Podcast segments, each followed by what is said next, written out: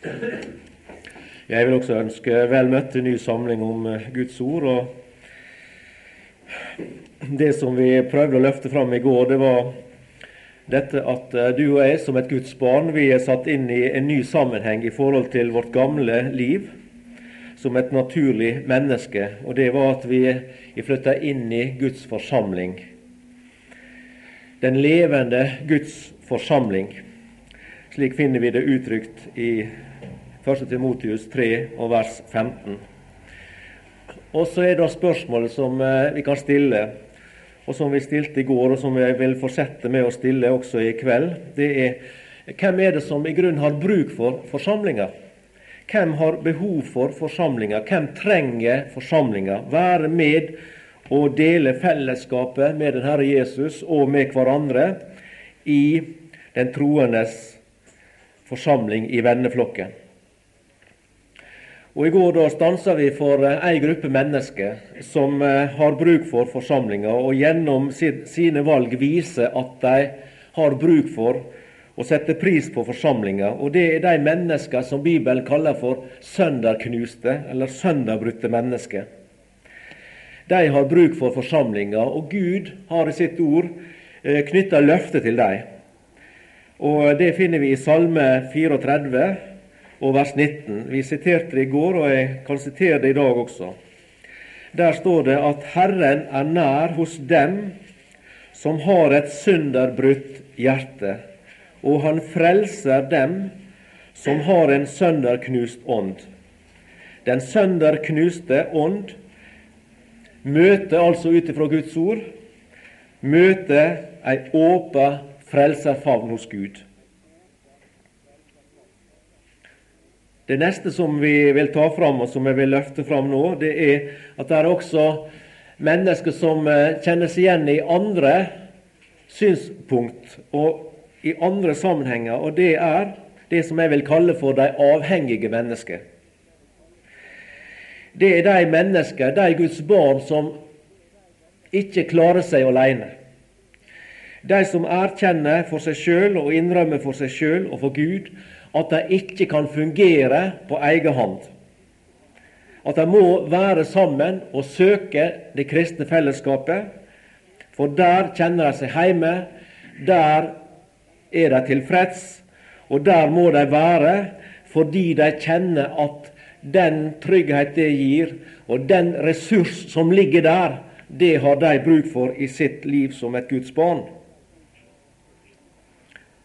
Jeg leste eh, en gang en humoristisk, eh, eller vi kan nesten si ei, ironisk gåte. Den var satt litt på spissen, men eh, den trenger ikke om å være det, og vi trenger ikke om å oppfatte det på den måten. Men det var ei gåte som lydde sånn. Hvor mange forsamlingsmedlemmer trengs det for å skru i ei lyspære? Og svaret det var det trengs tre. En som holder pæra, og to som dreier stien. Vel, vi kan kanskje synes at det virker litt sånn ironisk sagt. En skulle kanskje tro at en kunne klare seg med én. Men du ser at eh, Nå er ikke det sånn eh, pære her, da, men du skjønner tankegangen. En holder denne 75 watts pæra, står i en stie, og to går rundt med stien og dreier pæra på plass oppi holderen. Men på sett og vis så, så ser i grunn eh, Bibelen sånn på det kristne fellesskapet. Bibelen den er fremmed for tanken på at det kristne fellesskapet er noe som er bare for én og én hver for seg. Det var jeg inne på i går ut fra eh, apostelgjerningene og den første kristne tid, der vi leser om at alle som ble frelst, de ble lagt til menigheten. Og I den første kristne tid så var det slik at de kristne ble automatisk identifisert med forsamlinga. De ble, ikke, de ble ikke sett på som at de kunne fungere eh, som eh, enslige øyer rundt omkring i de ulike landskap. Men med en gang de ble frelst, så ble de lagt til menigheten. Ikke bare at de fikk sitt navn skrevet i livsens bok, og at de ble med i høytidsskaren, menigheten, av de førstefødte som vi leser om i Hebreabrevet, som har fått sitt navn skrevet i himlene. Men det, det fungerte slik i praksis også. At de ble tatt inn i en forsamlingssammenheng og fungerte i forsamlinga. Og utenom der så var de i grunnen ikke kristne.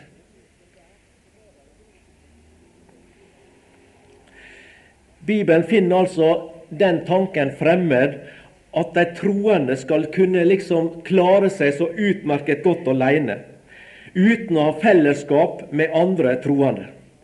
Og Jeg sa i går at eh, jeg i dag ville komme tilbake igjen til 1. Korintiabrev 12. Og det, dit skal vi gå nå. Og lese en del av versene som står der, og se at dette her, det er sant. Det er ikke meninga at Guds eh, barn skal være individualister og operere én og én hver for seg. Det er klart at det Og det, det, det er jo slik som livet sjøl er. At troende mennesker kan komme i livssituasjoner, i arbeid eller i andre sammenhenger, der en blir aleine kristen. Eller der en ikke kan ha fellesskap med andre troende fordi at de praktiske forholdene ikke ligger sånn til rette. Det er ikke sikkert det er flere troende på den arbeidsplassen. Det er ikke sikkert det er flere Guds barn i, i den bygda enn en sjøl. Kanskje en står alene.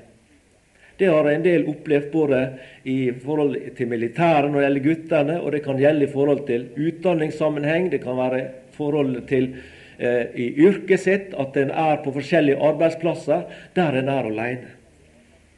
Men når vi ser den åndelige situasjonen an, og ser hvor hen vi hører hjemme, så hører du og jeg hjemme i en forsamlingssammenheng. Det er slik Det nye testamentet løfter det fram.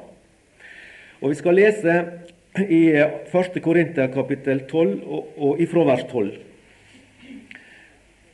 For like som legemet er ett og har mange lemmer, men alle legemets lemmer, om de enn er mange, dog er ett legeme, således er det også med Kristus. Og Her ser du at Paulus han bruker menneskekroppen som et bilde på Kristi legeme. Og så viser han, skal vi se når vi leser nå, så viser han til kroppens ulike deler og funksjon til den enkelte kroppsdel.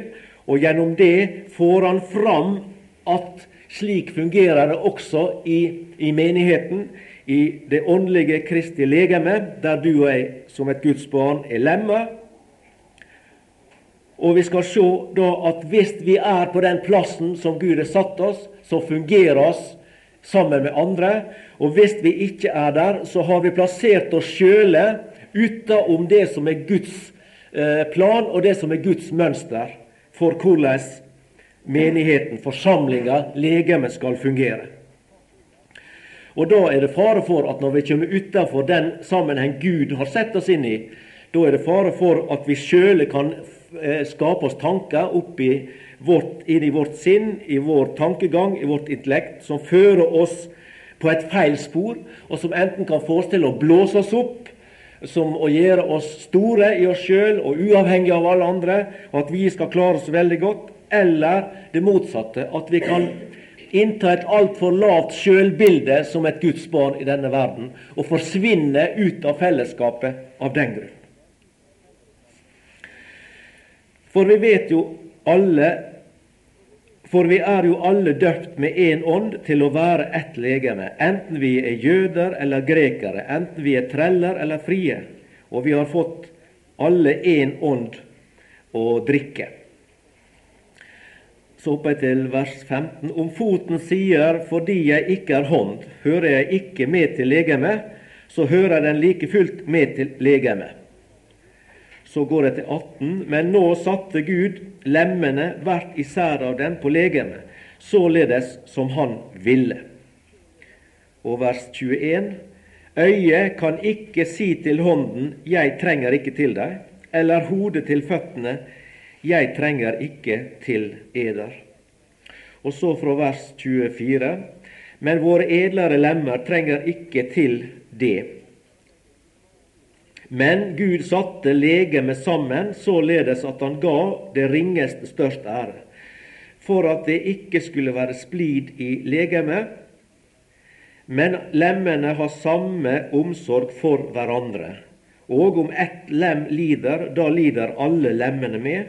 Og om ett lem hedres, da gleder alle lemmene seg med. Men nå er i Kristi legeme og hans lemmer, hver etter sin del. Ut ifra disse versene her, så er du sikkert enige i at de viser på en klar og tydelig måte at du og jeg som et Guds barn, vi er avhengige av hverandre. Og Jeg skal repetere ved at vi nå går tilbake til disse versene, så skal du få se noen av de grunner som dette skriftavsnittet løfter fram. For det første, hvis vi går tilbake til vers 13, så viser det i sitt innhold at Den hellige ånd har bundet oss sammen.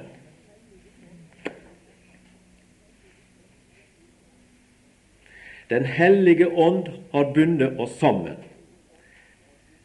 Vi er alle døpt med én ånd til å være et legeme. Vi har alle fått én ånd å drikke. Der er ikke det forskjell på folk. Det er ikke forskjell på den ene troende i forhold til den andre. For vi er jo alle. Alle. Uansett, så sant vi hører Kristus til, så sant vi er i legeme, så er alle sammen døpt med én ånd, og alle sammen har fått én ånd å drikke, og det er Den hellige ånd. For det andre så viser vers 13 også at vi er lemmer på dette ene og samme legeme. Til å være ett legeme. Vi er alle døpt til å være ett legeme, enten vi er, og så kommer vi fra forskjellige eh, bakgrunner, jøde eller greker, treller eller fri. Det spiller ingen rolle. Dette er uavhengig av bakgrunn. Det som dette viser, det er at du og jeg er lemmer på dette samme legeme. Den hellige ånd binder oss sammen. Hvis vi går til vers 21 Eh, der det står om at øyet kan ikke si til hånden, osv., og, og hodet til føttene 'jeg trenger ikke til dere', så viser det at vi trenger hverandre.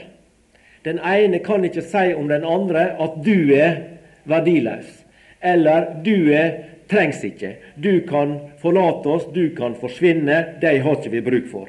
Dette her, verset her, det viser at vi trenger hverandre. Øyet trenger hånda, hånda trenger øyet, osv. Det er en gjensidig avhengighetsforhold, lemmene, den ene lemmen i forhold til den andre, for at legemet skal fungere. Og Det leser vi også om i vers 26, at hvis et lem lider i en eller annen sammenheng, så lider alle.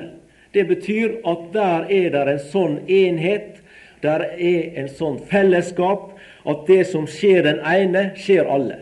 Og Det viser at hele, alle lemmene er på en måte identifiserer seg med hverandre fordi at alle er en del av dette ene legemet. Så det som skjer én plass på legemet, merkes på de andre plassene i legemet. Og sånn også i, i, i troendes forsamling. Når, hvis et lem lider, så lider alle med dette lemmet. Og når et lem, står det videre, hedres, da gleder alle seg. Der viser det denne gjensidigheten. Det det ene opplever, det opplever de andre som det gjelder dem også. Enten det er noe som gir vondt, eller det er noe som gir godt. Og Det som er det fine i dette, her, det er at det er Gud som har gjort det slik. Det er Gud som har gjort oss avhengige av hverandre. Det er Han som har laga denne ordning. Vers 18. Men nå satte Gud lemmene. Det er ikke sånn at den enkelte har bestemt for seg. Men dette er noe som Gud har gjort.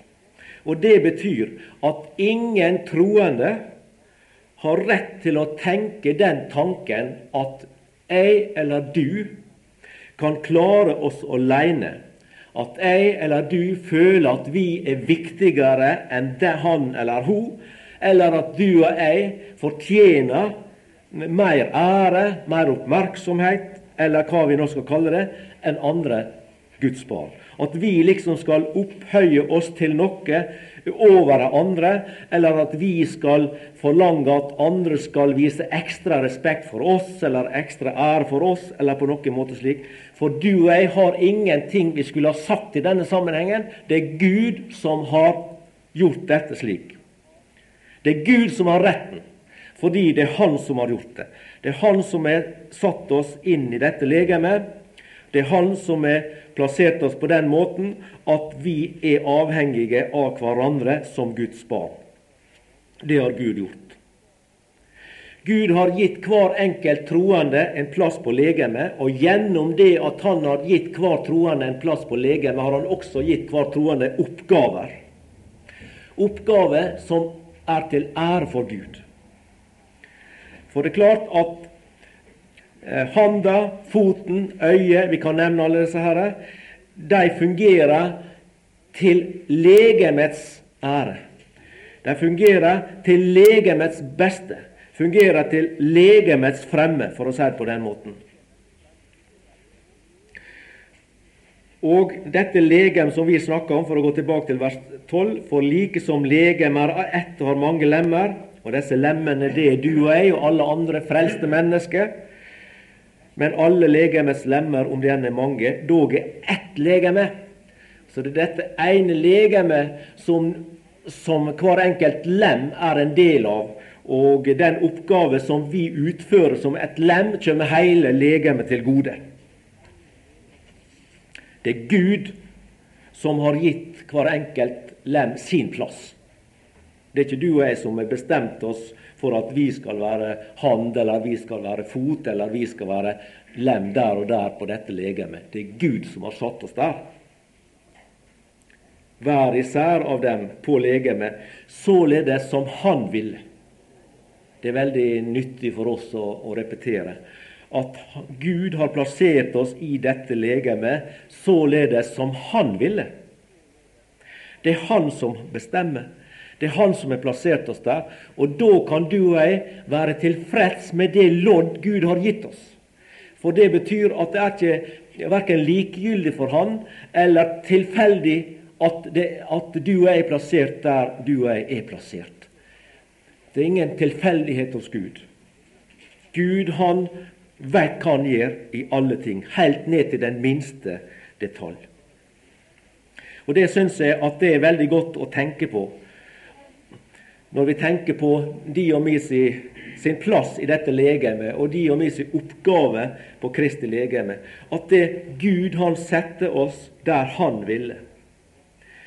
Og Gud han, eh, han eh, har både deg og meg, altså ditt og mitt sitt evige vel i tankene, og han er hele legemets ve og vel i tankene når han plasserer det enkelte Guds barn som lem der han finner det for godt. Og han er ordna det slik at du og jeg har mulighet for å være til for hverandre. At vi lem for lem skal fungere i fellesskap til, til hverandres og fellesskapets beste. At du og jeg skal få lov til, som Guds barn, å være med som søsken i Herren å fungere ved å vise hverandre gjensidig omsorg og fellesskap. Og Det ser vi også når vi leser vers 23 og 24, at Gud han er gitt hvert lem en ærefull plass. Og de lemmer på legemet som vi synes er mindre verd, æreverd, dem kler vi med større ære.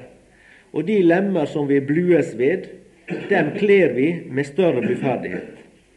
Men våre edlere lemmer trenger ikke til det. Men Gud satte legemet sammen, således at Han ga det ringeste størst ære.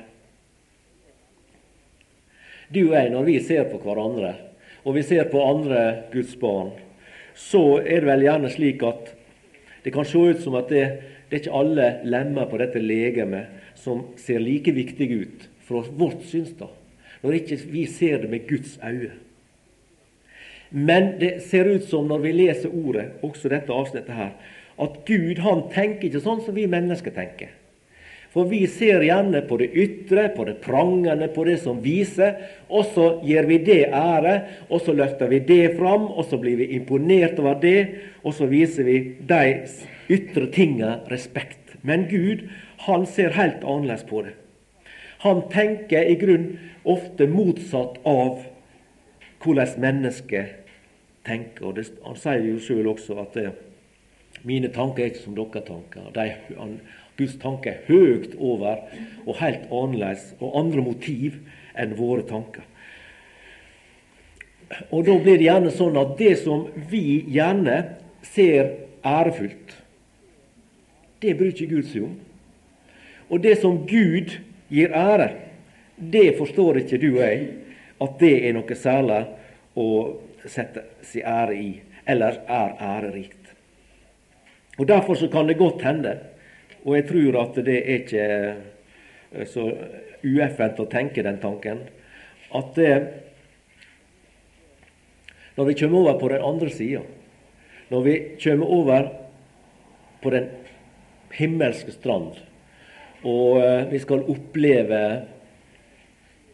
at uh, vi skal framfor Kristi domstol og disse tingene her, så er ikke det, tror jeg, så dumt å tenke den tanken at mange av de som, av Guds barn som her kanskje ble oversett, forbigått, gjort lite ære på, uh, kanskje nærmest forakta, uh, kanskje snakkes om i litt sånne lette, mer og mindre morsomme vendinger Eh, at de skal stå fram med stor ære.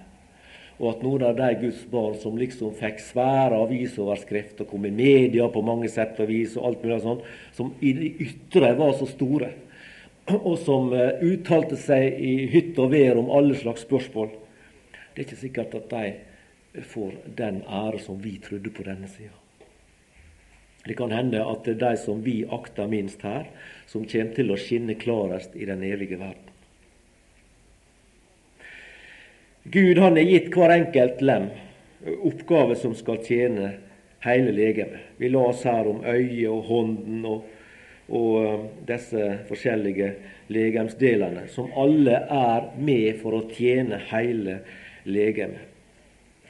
Uansett gave og uansett oppgave så er det viktigere, eller det viktigste, det er at hele legemet fungerer i fellesskapet.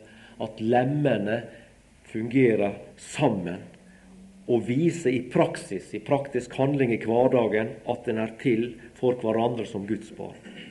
At vi ikke fungerer slik som eh, vi skal lese nå et vers. Eh, vi går til Galaterbrevet, det femte kapittel. Og der står et, et nifst vers. Og jeg må si at jeg håper for min del at, eh, at det ikke skulle passe på meg eller på noe et Guds barn. Det står der i kapittel 5 og i Galaterbrevet og vers 15. Men dersom dere biter og eter hverandre, da se til at dere ikke blir fortært av hverandre. Det er en helt annen innstilling. Det er en helt annen livssituasjon. Det er et helt annet fellesskap, som ikke nesten er fellesskap, men som er full krig. Men det går også an, i forsamlingssammenheng ser det ut til her, at det som troessøsken, så kan vi komme i konflikt og komme i sånne forhold til hverandre at i stedet for at det ene lem er til for det andre i et, i et forent fellesskap og i enhet i Kristus, slik som Korintiabrevet 12 løfter det fram, så kan vi komme i den forferdelige situasjonen at vi biter og eter hverandre, og gjennom det kanskje rett og slett kan bli fortært av hverandre. Og at det, det hele det rakner, og så blir det liggende som et etter et slag i krigen, som vi har sett på bildet og, og kanskje på film også. Der ligger mange såra og mange døde, og det er forferdelige greier. Og Det advarer Paulus eh, mot her i Galaterbrevet 5. La vi ta Guds ord til etterretning, og la vi løfte fram det, det positive og det mønster Gud gjerne vil skal fungere i legemet. Og Det er det som vi finner i 1. Korinterbrev 12. Det blir slik at det ene lem og det andre lem tjener hverandre i dette fellesskapet til beste for hverandre og til beste for hele legemet. Det viktigste det er ikke å se etter gavene, hvem som har den gave, og hvem som har den gave, og hvem som har den gave. Men det viktigste det er, slik som også 1. Korinterbrev 13 løfter det fram, det er at vi, du og jeg, Guds barn, at vi i forhold til hverandre tjener hverandre i kjærligheten. At det er kjærligheten som dominerer fellesskapet, at det er kjærligheten som dominerer eh, forsamlingslivet, og at det kan sies om oss i vår forsamling, som det ble sagt eh, blant de første kristne. Se hvor de elsker hverandre. Og med kjærlighet der så er det jo ikke tenke på dette her eh, kliss-klasse som en gjerne snakker om i, i, i menneskelig eh, sammenheng eh, når en snakker om kjærlighet. Men da snakker jeg om den kjærligheten som blir åpenbart i kapittel 13. Denne her som er langmodig og velvillig, og som ikke bare avvind, og som ikke oppblåses, og som ikke gjør noe usømla, som ikke søker sitt eie, som ikke blir bitter, som ikke gjemmer på det vonde, som ikke gleder seg over urettferdighet, men over sannhet. Den kjærligheten som utholder alt, tåler alt og håper alt, det er den guddommelige kjærligheten. At den får sin plass i våre hjerter, slik at den virker utad i våre liv overfor hverandre. Den kjærligheten som yte, den kjærligheten som ofrer, den kjærligheten som koster, den kjærligheten som er arbeid, hardt arbeid. Den ekte, guddommelige kjærlighet, det er hardt arbeid. Jeg skal ikke komme inn på det nå, men du ser at hvis du leser kapittel 13 og ser alt det som, alle egenskaper ved kjærligheten og alle kjenneverk på kjærligheten, så ligner de i grunnen mye på, på uh, bud som vi finner i Det gamle testamentet. Der står det at du, du skal det, og du skal det, og du skal det. Og her eh, sier kjærligheten den er på en måte også plikt. Kjærligheten er også på en måte arbeid. Det er noe som ikke kommer av seg sjøl, men det er noe som vi må ville. Vi må ville det. Så kjærligheten er ikke å trakke på andre. Kjærligheten er ikke å løfte seg sjøl opp på andres bekostning. Kjærligheten det er heller å holde, utholde alt, det er å tåle alt. Det er å gi avkall på. Det er å ligne litt på mesteren. Han som gav avkall og fornedra seg like til korsets død. Det gjorde han for å frelse oss og for å løfte oss opp og inn i dette legemet og sette oss som lemmer på dette herlige legemet. Og så vil han at du og jeg skal ligne litt på han i vår hverdag.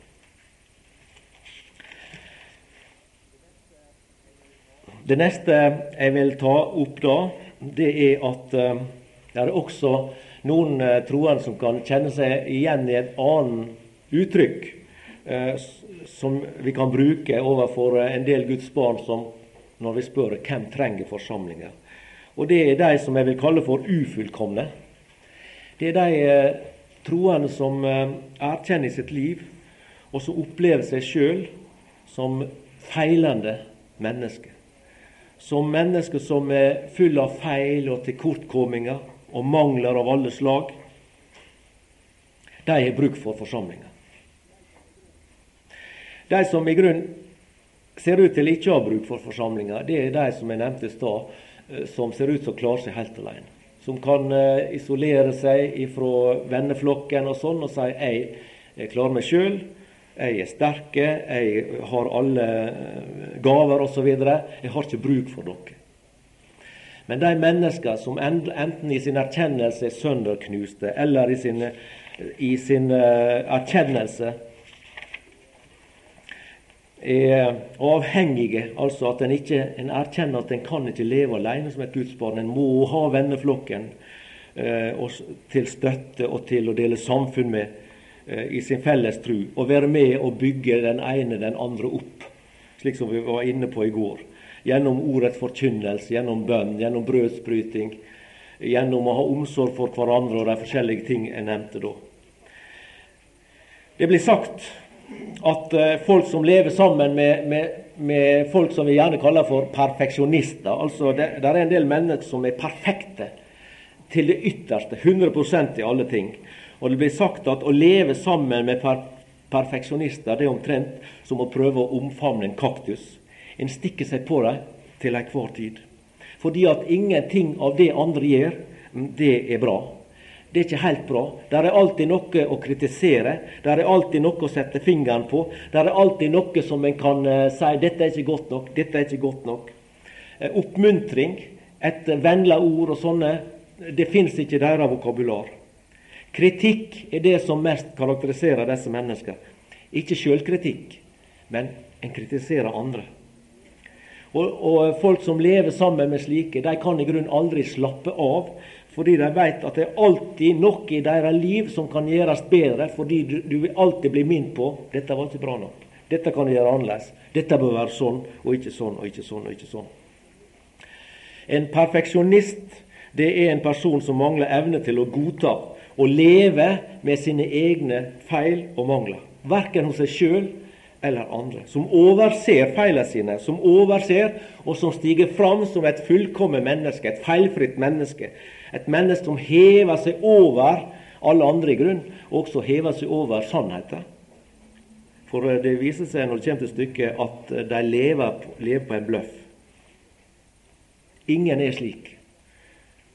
Alle mennesker er skrøpelige i sin natur. Alle mennesker er syndere i sin, uh, i sin natur.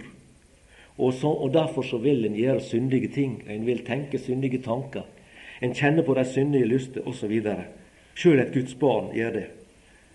Enda vi er frelst og fått del i guddommelig natur, så er ikke vi flytta ut av det gamle. Vi har det gamle i oss også. Og Da er det gjerne sånn at noen av Og det er jo litt trist da, i grunnen i denne sammenheng. Og det er at det er en del av oss som ikke er perfeksjonister til vanlig, som, ikke, som, erkjenner at vi i vårt daglige liv har både feil og mangler og, og det ene med det andre. Vi har, en del av oss, en trang til å bli perfeksjonister i forhold til forsamlinga. Med andre ord at vi kan unnskylde oss sjøle og sånn i, i, det daglige liv og ting vi gjør og ikke gjør. Og, men når det gjelder våre nådesøsken, de vi lever sammen med i venneflokken, da er vi perfeksjonister. Da tillater vi ikke slinger i valsen. Da er vi kritiske. Da kan vi forlange det av den og den og den og den. Mer enn vi forlanger av oss sjøle. Altså at vi kan ha lett for å stille større krav til andre troende enn vi stiller til oss sjøl. Og Når jeg tenker den tanken for min egen del, da er det noe som jeg, jeg, leser, og som jeg må tilbake til, og det skal vi lese nå, i Matteus det 18. kapittel. Der løfter Jesus fram to mennesker.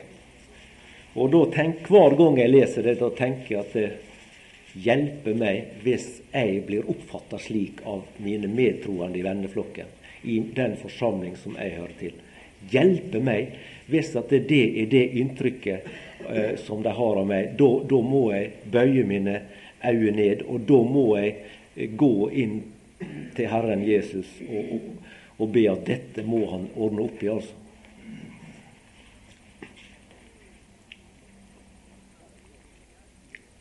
I vers 21. Da gikk Peter til ham og sa, Herre, hvor ofte skal min bror synde mot meg, og jeg tilgi ham det?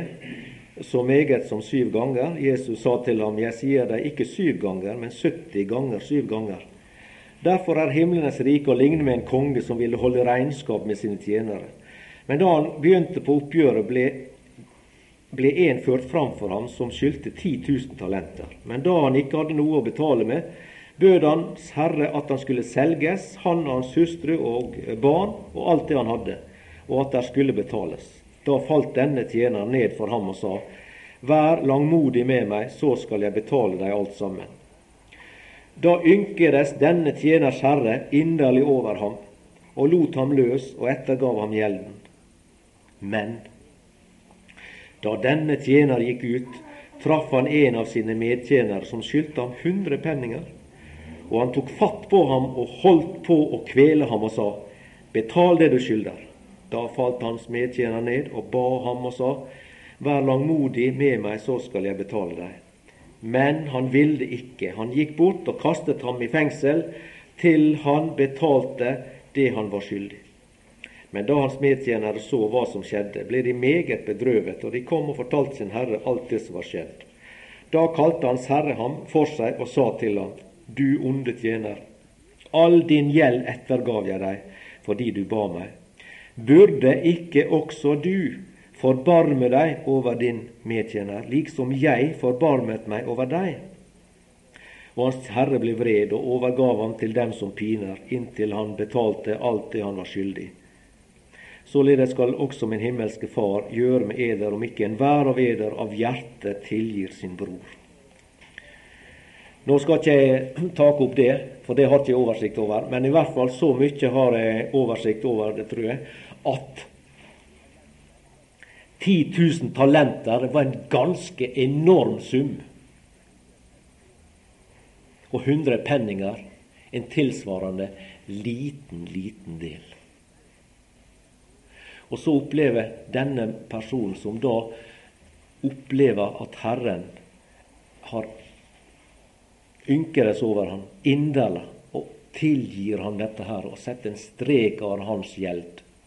Og så kommer han ut, og så ser han en der som bare er skyldig han noe småtteri. Og så griper han kraftig fatt i han og nærmest vil kvele han, og til slutt så kaster han han i fengsel til han har betalt det hele.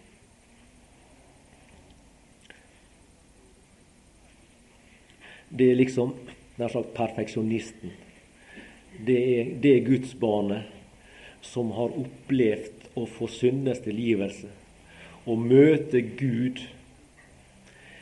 ikke som dommer, ikke som, som blir kasta i fengsel, og som skal betale en, ube, en gjeld som er umulig å betale. Med andre ord som Han kaster ikke oss i helvete. Han vil ikke at vi skal gå fortapt. Men han, har sletta vår gjeld. Han setter en strek over vår skyld. Han har sett det over det hele. Betalt på bakgrunn av Jesu Kristi dyreblod. På bakgrunn av korset. På bakgrunn av det som skjedde på det midterste treet. Der Jesus ble ei soning for våre synder der han bar våre synder på sitt legeme oppå på treet, som ordet sier. Og så, etter å ha opplevd Guds overveldende nåde i livet og fått sine synder tilgitt, så kan vi ikke tilgi en bror, ei søster, som bare har gjort oss en liten ting. Kanskje uh, tråkka oss litt på tåa, eller sagt et litt skeivt ord, eller på en eller annen måte. Men da kommer kritikken med storm over vedkommende. Da dreper vi vedkommende nær, nær sagt med ord eller med blikk eller med et eller annet. Og det der jeg, jeg må bli rysta i, i, mitt indre hvis dette skulle være mine medtroers oppfatning av meg. At jeg skal være så hard overfor medsøsken når jeg sjøl har opplevd å få min enorme gjeld utsletta av Gud. Det er ikke det mønster Gud løfter fram, hvordan du og jeg som, som lemmer på Kristi legeme skal fungere overfor hverandre. Han vil at vi skal At det er kjærligheten som skal råde. At det er tålmodet som skal råde. At det er denne gjensidige avhengigheten av hverandre som skal fungere i våre sammenhenger. Forsamlingene rundt omkring den består jo av ufullkomne mennesker. Det så vi helt fra begynnelsen av i den første kristne tid også.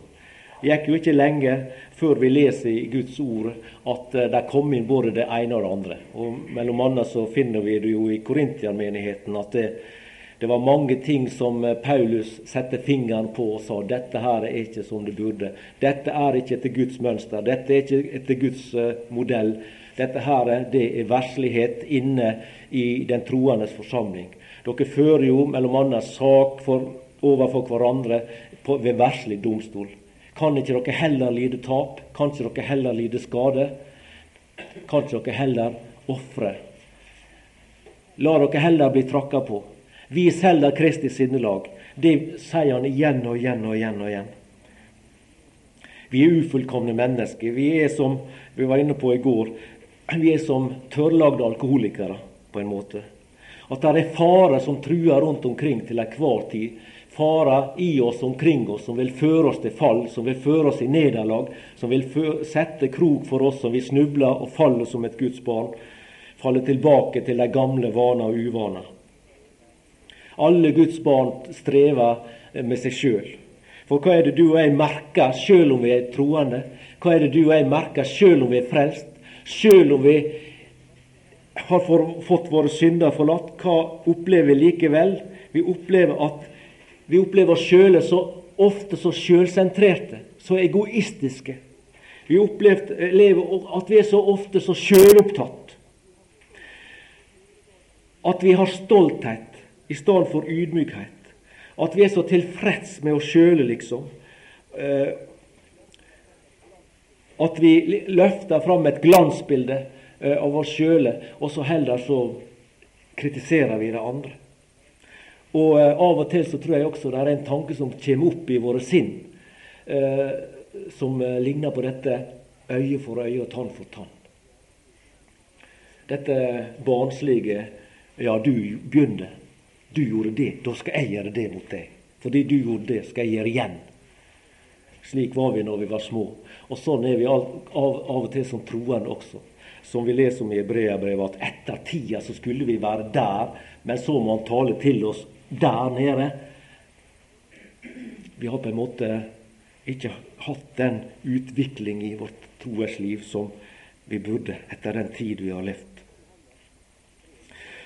Første Johannes brev, det er første kapittel det skildrer Guds barn på en realistisk måte. og Vi skal stoppe litt der til slutt i denne timen. Første Johannes,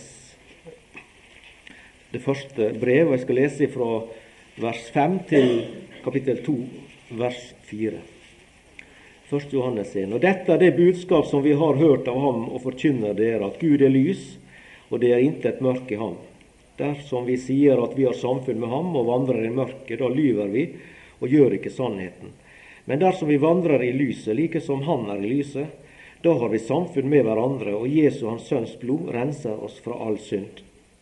Dersom vi sier at vi ikke har synd, da dårer vi oss selv, og sannheten er ikke i oss. Dersom vi bekjenner våre synder, er Han trofast og rettferdig, så Han til forlater oss syndene og renser oss fra all urettferdighet. Dersom vi sier at vi ikke har syndet, da gjør vi ham til en løgner, til løgner, og hans ord er ikke i oss. Mine barn, dette skriver jeg til dere for at de ikke skal synde. Og om noen synder, da har vi en talsmann hos Faderen, Jesus Kristus, den rettferdige. Og han er en soning for våre synder, dog ikke bare for våre, men òg for hele verdens. Og derav vet vi at vi kjenner ham, om vi holder hans bud. Den som sier 'jeg kjenner ham', og ikke holder hans bud, han er en løgner, og i ham er ikke sannheten. Her ser vi at det, som jeg sa, vi er ufullkomne mennesker. Og her ser vi at også i det, det forsamlingslivet vi lever, så er det også ufullkomment. Og slik må det være. Men i dette ufullkomne forsamlingsfellesskapet så er det grunner på ting som vi la oss her. Mellom annet så er det grunner på den Herre Jesus Kristus. Utgangspunktet er jo at vårt samfunn er med Faderen. Det las ikke jeg, men det står litt lenger oppe her, i vers 3. Vårt samfunn er med Faderen og med Hans Sønn Jesus Kristus. Og dette er det budskap som vi har hørt av ham, og forkynner dere at Gud er lys, og det er intet mørk i ham. Gud er lys, og den Herre Jesus, han er Gud. Han er Guds sønn. Han er fullkommen i alle ting. Og du og jeg, som et Guds barn, vi deler tru på denne fullkomne Kristus. Du og jeg har ei felles tru på Kristi fullkommenhet, på Kristi frelsesverk, på Hans person og Hans vesen, alt Han står for. Han, han tror jeg på. Der ligner vi på Peter, som jeg nevnte så vidt i går. At du og jeg sier det i vår erkjennelse, at du er Messias, den levende Guds sønn. Og vi sier også, Herre, hvem skal vi gå til? hvis vi må forlate deg, hvis du avviser oss, hvis du slår hånda av oss, hvis du snur ryggen til oss, hvem skal vi gå til? Vi har ingen å gå til. Du er vårt alt. Du betyr alt for oss, og vi vil være hos deg. Og Det herlige er jo det at han aldri snur ryggen til oss, at han aldri forlater oss. Det husker du han Peter han sa 'Gå fra meg, Herre', sa han er en syndig mann. Men Jesus han sto der fastspikra. Han forlot han ikke, han bare sto der, og det viser at hvis det skulle skje ei forandring i forholdet mellom Frelseren og Peter, så måtte Peter gå. Jesus han gikk aldri. Og det gjør ikke han i ditt og mitt liv heller. Går ved vår side, han leder vår gang. Og han vil aldri forlate oss og aldri svikte oss. Han har tatt oss opp i sitt samfunn. Han har plassert oss i sitt legeme som et lem og det legeme et fullkomment legeme som i sin fullkommenhet også vil flytte inn i den evige verden. Det skal ikke mangle et eneste lem, og det betyr at du og jeg skal heller ikke mangle der. Videre så forteller dette avsnittet oss las fra 1. Johannes at i dette ufullkomne fellesskapet som vi lever i der, da er det viktig at du og jeg er ærlige overfor oss sjøl. Og det hjelper fellesskapet oss til. Det, hjelper, det er del av forsamlinga sin funksjon når en løfter fram ordet til oppbyggelse og til lærdom osv. Det er det at da opplever vi ordet som forteller oss hvem vi er og hvordan vi er, slik at vi blir ærlige overfor oss sjøle. Slik som vi la oss her i vers 6 og, og i, vers 7.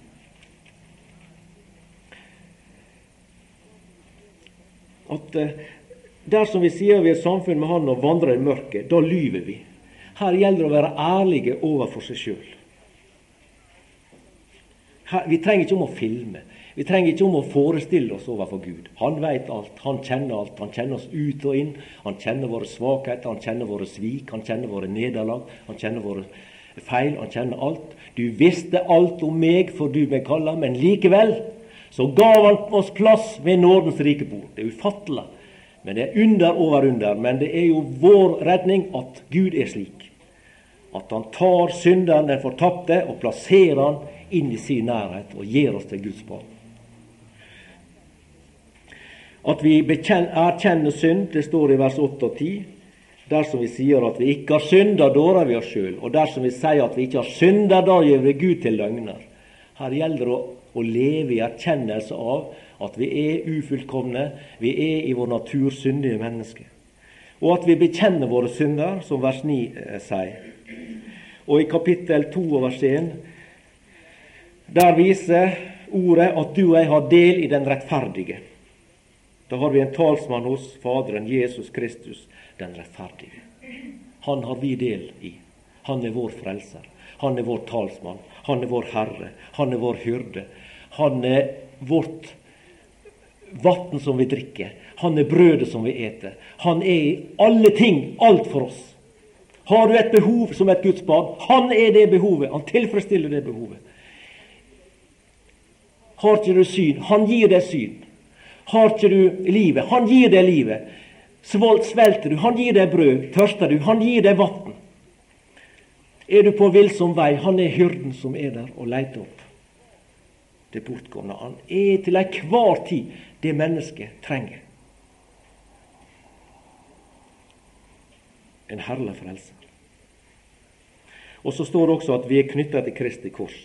For det står i vers 2 der i kapittel 2 han er en soning for våre synder. Og det fører vår tanke tilbake til kors, det midterste treet der på høgda. Han som ropte 'fullbrakt'. Som derfor har Gud, slik har Gud elska verden, at han gav sin sønn den enbåren. Der gav han han til ei soning for våre synder, for at du og jeg skulle slippe å gå fortapt, men ha evig liv. Og så kommer i vers 3 og 4 i kapittel 2 at eh, du og jeg, som et Guds barn, vi har en felles trang etter å leve i lydighet imot vår Herre og Frelser. Den som sier 'jeg kjenner ham' og ikke holder hans bud, han er en løgner, og i ham er ikke sannheten. Men den som holder hans bud, i ham er sannelig kjærligheten til Gud blitt fullkommen. På dette kjenner vi at vi er i ham.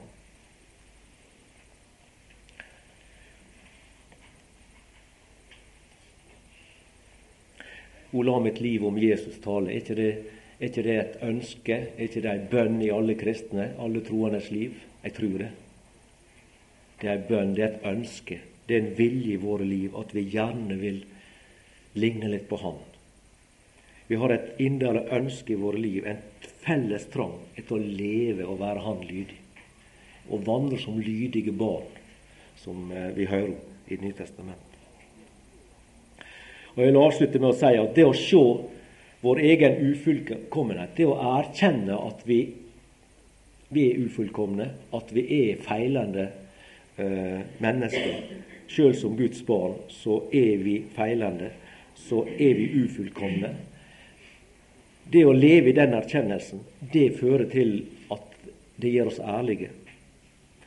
Og det fører til at eh, vi respekterer andre. Fordi at vi stiller ikke oss sjøle over alle andre, men vi stiller oss heller lavere ned. Det får oss til å, å opptre ydmykt i forhold til andre troende. Det får oss, til, får oss til å respektere de andre og løfte dem kanskje høyere enn oss sjøl. Slik som vi leser i Titus brev, det tredje kapittel. Det skal være det siste, nest siste bibelord jeg tar med nå før jeg slutte av. Skal vi se Titus brev. Der står det slik.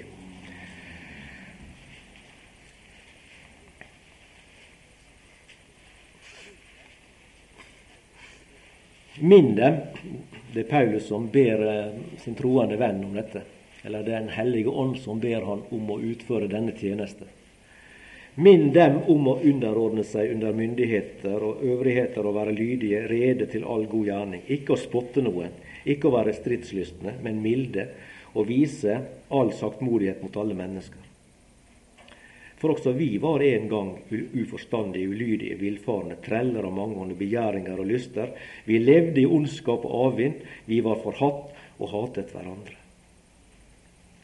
Så der ser du at det, denne erkjennelsen av den bakgrunnen vi kom ifra, at vi var også en gang sånn og sånn og sånn, fører til at som Guds barn så har vi en sjølerkjennelse av våre egne feil, våre egne mangler, våre egen ufullkommenhet. Og derfor så kan vi opptre overfor andre med å ikke spotte, ikke være stridslytte, vise mildhet, vise overbærenhet osv. overfor våre troessøsken. Ja, at vi kan bære over og tilgi de som gjør urett imot oss, slik som Matteus 5,7 sier det, siste bibelordet jeg leser.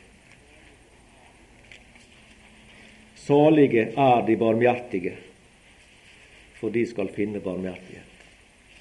At du jeg ligner litt på Han Herren som ettergav denne skyldneren.